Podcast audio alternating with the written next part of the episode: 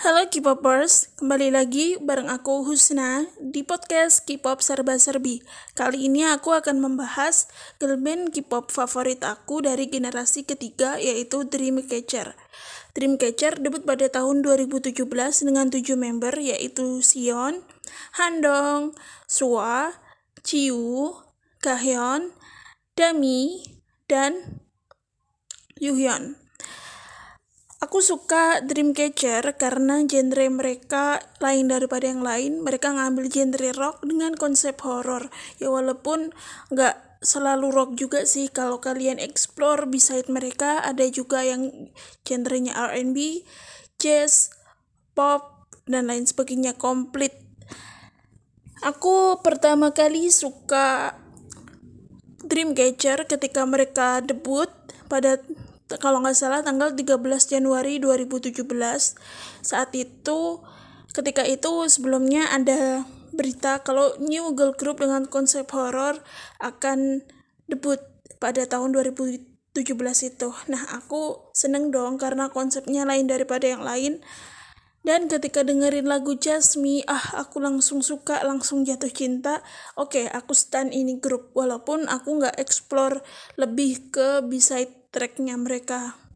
Beberapa bulan setelah Jasmine, mereka merilis lagu judulnya Good Night dan itu genrenya metal rock.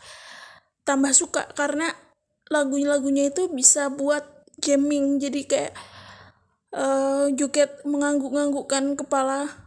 Oh baby run run run it not up again run run run it jijian ang guse personal su obstacle pal bodok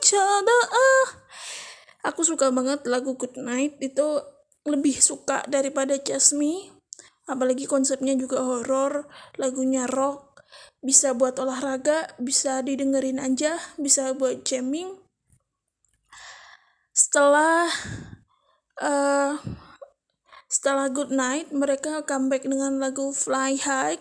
Itu juga aku lumayan suka, walaupun ya tetap suka Good Night. Dan uh, setelah itu setelah fly high aku sempat nggak ngikutin Dreamcatcher beberapa lama karena kesibukan kampus juga. Baru kemudian keinget lagi dengan mereka setelah comeback eh, di Javu tahun 2018 udah cukup lama ya abis setelah itu sebelum itu udah ada UNI udah ada Piri udah ada Watt juga tapi aku kemudian baru comeback ngikutin mereka lagi pada tahun 2018 ketika nyusun skripsi karena kesibukan kampus sudah cukup rendah, fokus ke skripsi aja.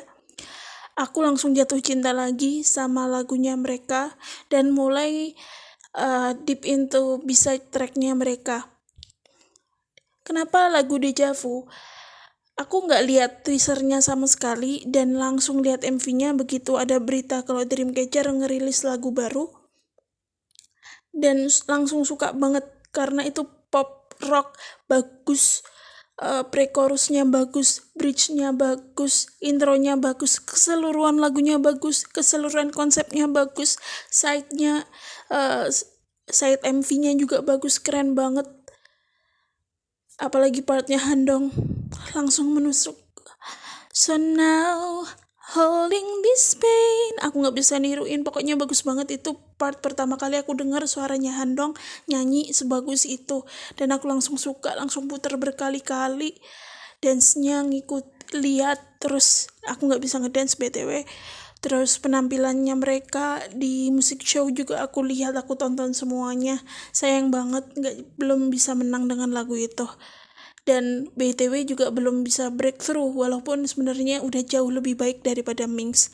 Oh ya aku belum sempat uh, menceritakan kalau Dreamcatcher itu sebenarnya redebut sebelumnya lima anggota dari anggota Dreamcatcher yaitu Jiu, Sion, Sua, Yuhyun dan Dami itu pada tahun 2014 debut di dengan uh, nama girl band Minx anggotanya lima itu. Baru kemudian karena uh, kayaknya mereka juga nggak terlalu dikenal akhirnya mereka kemudian redebut lagi dengan Dreamcatcher hingga saat ini Dreamcatcher udah merilis dua album studio salah satunya Scream comeback mereka setelah di Javu dan bersyukur banget kayaknya Scream itu adalah momen di mana mereka breakthrough ke pasar internasional. Nggak cuma pasar internasional juga tapi pasar Korea juga. Walaupun katanya lebih banyak internasional fans daripada Korean fans yang suka Dreamcatcher.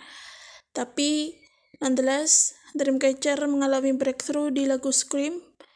Aku kurang terlalu suka lagu Scream karena le, kayak mixnya itu EDM pop dicampur rock. Walaupun aku suka partnya da, uh, Dami dan Gahyeon. Aku lebih suka beside-nya Scream beside-nya album itu Dystopia Tree of Language dan BTW Dystopia Tree of uh, The Tree of Language itu adalah salah satu album terbaik di K-pop. Isinya lagu-lagu bagus semua, lagu-lagunya asik semua. Aku rekomend kalian untuk mendengarkan album itu secara keseluruhan. Uh, terus juga disebut sebagai album terbaik juga menurut Gaon pada tahun 2020. Walaupun sekali lagi belum kesempatan untuk menang tapi nggak apa-apa karena salesnya Dreamcatcher naik tinggi naik sales albumnya. Walaupun viewersnya juga naik tapi nggak setinggi albumnya. By the way di di YouTube ter terakhir aku terakhir kali aku ngecek itu lagu Deja Vu itu sekitar 18 jutaan viewersnya dan Scream udah 20 jutaan. Terus kemudian Boka itu juga 20 jutaan. Sekarang Odd Eye favorit aku di album Dystopia The Tree of Language itu adalah lagu Tension, Jazz Bar, terus Sahara itu aku suka banget dan sisanya tetap suka tapi nggak banget. Setelah sukses dengan Scream Oktober tahun lalu mereka comeback dengan mini album Dystopia juga aku lupa kepanjangannya apa dengan lagu Boka aku juga nggak terlalu suka sama Boka karena tipenya itu sama kayak Scream yang campurannya itu lebih dominan uh, eh, EDM-nya daripada rocknya. Terus kemudian tapi aku suka juga suka lagu beside dari mini album tersebut kayak Can't Help You Out of My Mind. Terus ya itulah my favorite lagu beside-nya di uh, mini album tersebut Terus kemudian baru kemarin mereka juga comeback dengan EP terbarunya mereka dengan lagu Odd Eye. Sekali lagi title tracknya aku nggak terlalu suka, tapi bisa tracknya aku suka kayak Poison Love, New Days itu aku suka. Aku bangga banget sejujurnya sama Dreamcatcher karena sebagai orang yang cukup ngikutin mereka dari awal, tahulah perkembangan mereka one step two stepnya gitu kan. Walaupun sebenarnya mereka juga nggak terlalu aktif di sosial media di Instagram itu nggak terlalu aktif. Bayangin aja ketika jadi Mings album salesnya mereka cuma seribu seribu keping sold. Terus debut sebagai Dreamcatcher pada tahun 2017 dengan lagu Jasmine naik tiga kali lipat jadi 3000 keping Lalu comeback dengan Good Night dari 3000 menjadi 9000. Sekarang 10 kali lipatnya 9000, 90000, bahkan 100.000 untuk album uh, mini album bukannya ke, buka kemarin. 100.000 itu udah setara sama mamamu, udah hampir sama kayak Red Velvet. Mungkin yang belum kesusul Twice sama Blackpink aja dari sisi penjualan album. Sebagai uh, orang yang mengikuti mereka cukup dari awal apalagi Dreamcatcher juga bukan dari big company kayak Red Velvet uh, Blackpink atau Twice aku cukup bangga. Dan by the way mereka juga pernah ikut uh, Mix Nine walaupun keluar di tengah jalan. Dan itu aku rasa itu ke, uh, keputusan yang bagus juga walaupun mereka juga nggak nggak terlalu banyak kelihatan promo individunya atau promo grupnya baik di sosial media atau di mana-mana tapi syukur alhamdulillah mereka sukses. Aku feel grateful aku seneng banget ketika lihat uh, album Scream terjual lebih dari 50 ribu kopi.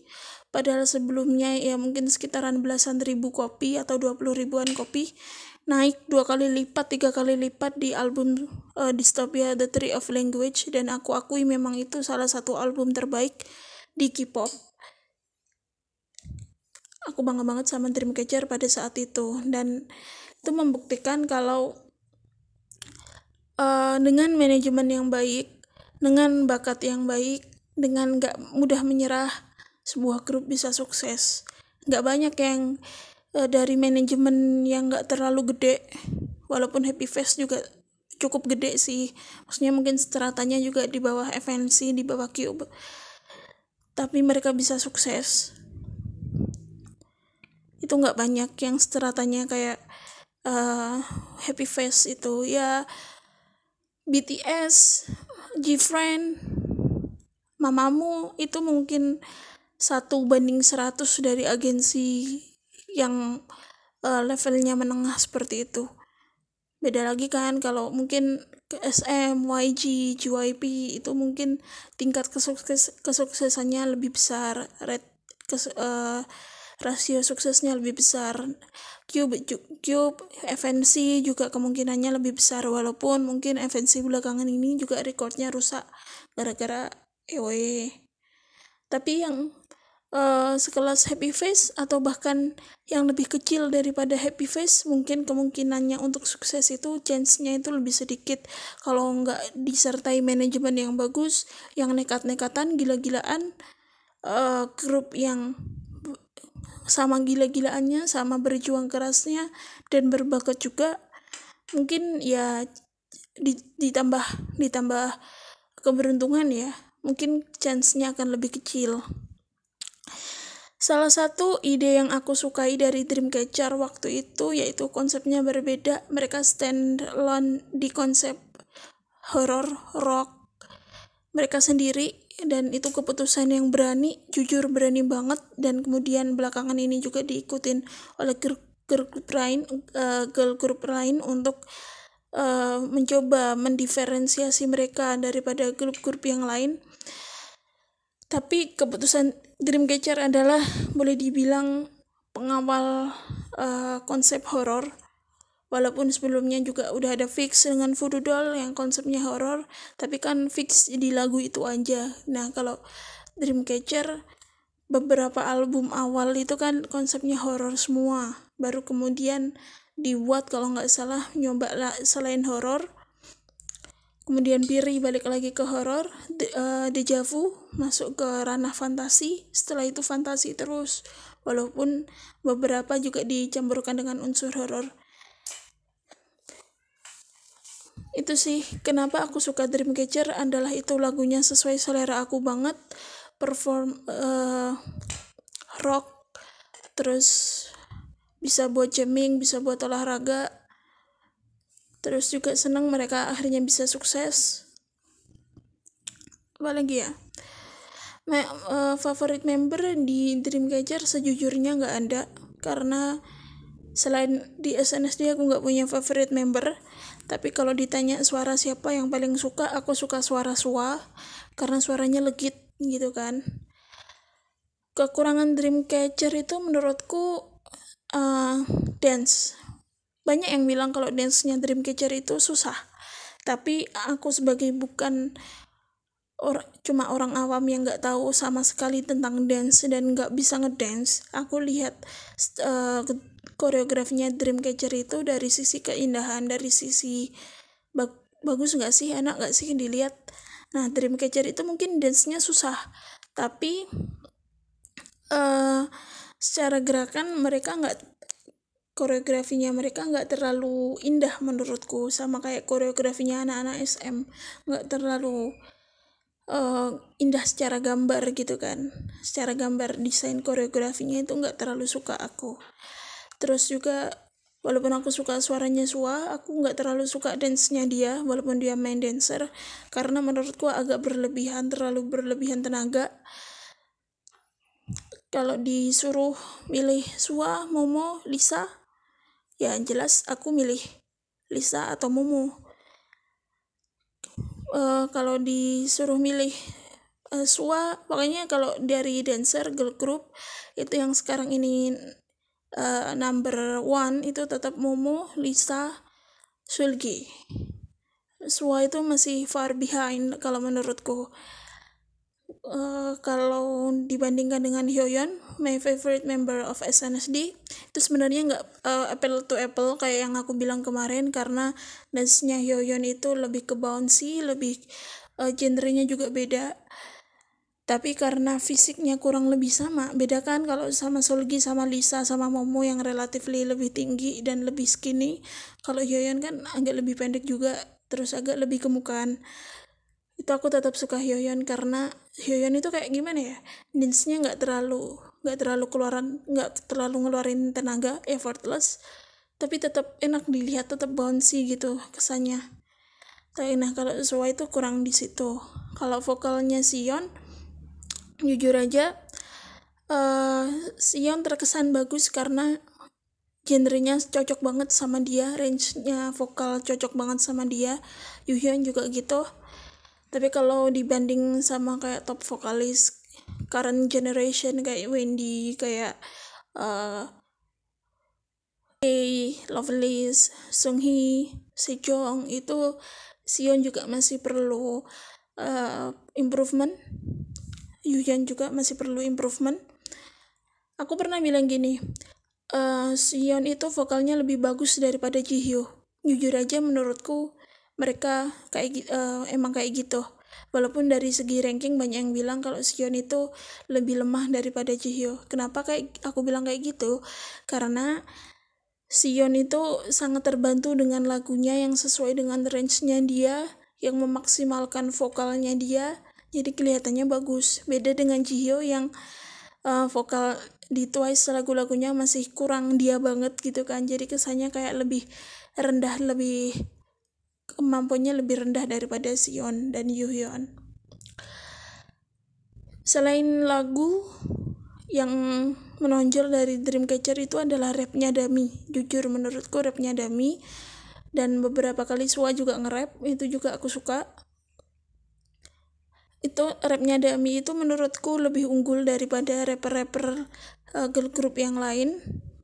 Mungkin kecuali Soyeon, kecuali Yezi atau Mirio atau Ellie Exit XID tapi untuk ukuran uh, girl group yang lain yang bukan alumni Unpretty Rap Star itu Dami udah bagus rimanya dapet uh, intonasinya dapet artikulasinya dapet. Nggak cuma ngomong cepet kayak yang girl group yang lain dan itu salah satu keunggulan Dreamcatcher sayang banget waktu di Mings Dami nggak dikasih uh, rap yang bagus padahal potensinya Dami itu gede banget. Baru kemudian di Dreamcatcher lebih di explore kemampuan rapnya Dami dan itu aku suka. Adapun untuk member tambahan kayak uh, Jiwoo dan Handong aku nggak terlalu suka sebenarnya. Baik uh, dari segi dance maupun vokal maupun visual. Karena menurutku ya mereka cantik tapi untuk ukuran girl group Korea yang lain agak gimana gitu. Itu nggak nggak terlalu cantiknya nggak terlalu. Kalau dari segi visual member-member yang lain sebenarnya aku juga nggak terlalu nggak nggak bilang kalau Dreamcatcher itu jelek. Cuma untuk ukuran cantik mereka emang bukan yang paling paling cantik mereka kelihatannya B aja gitu kan. Nggak nggak cantik juga nggak jelek.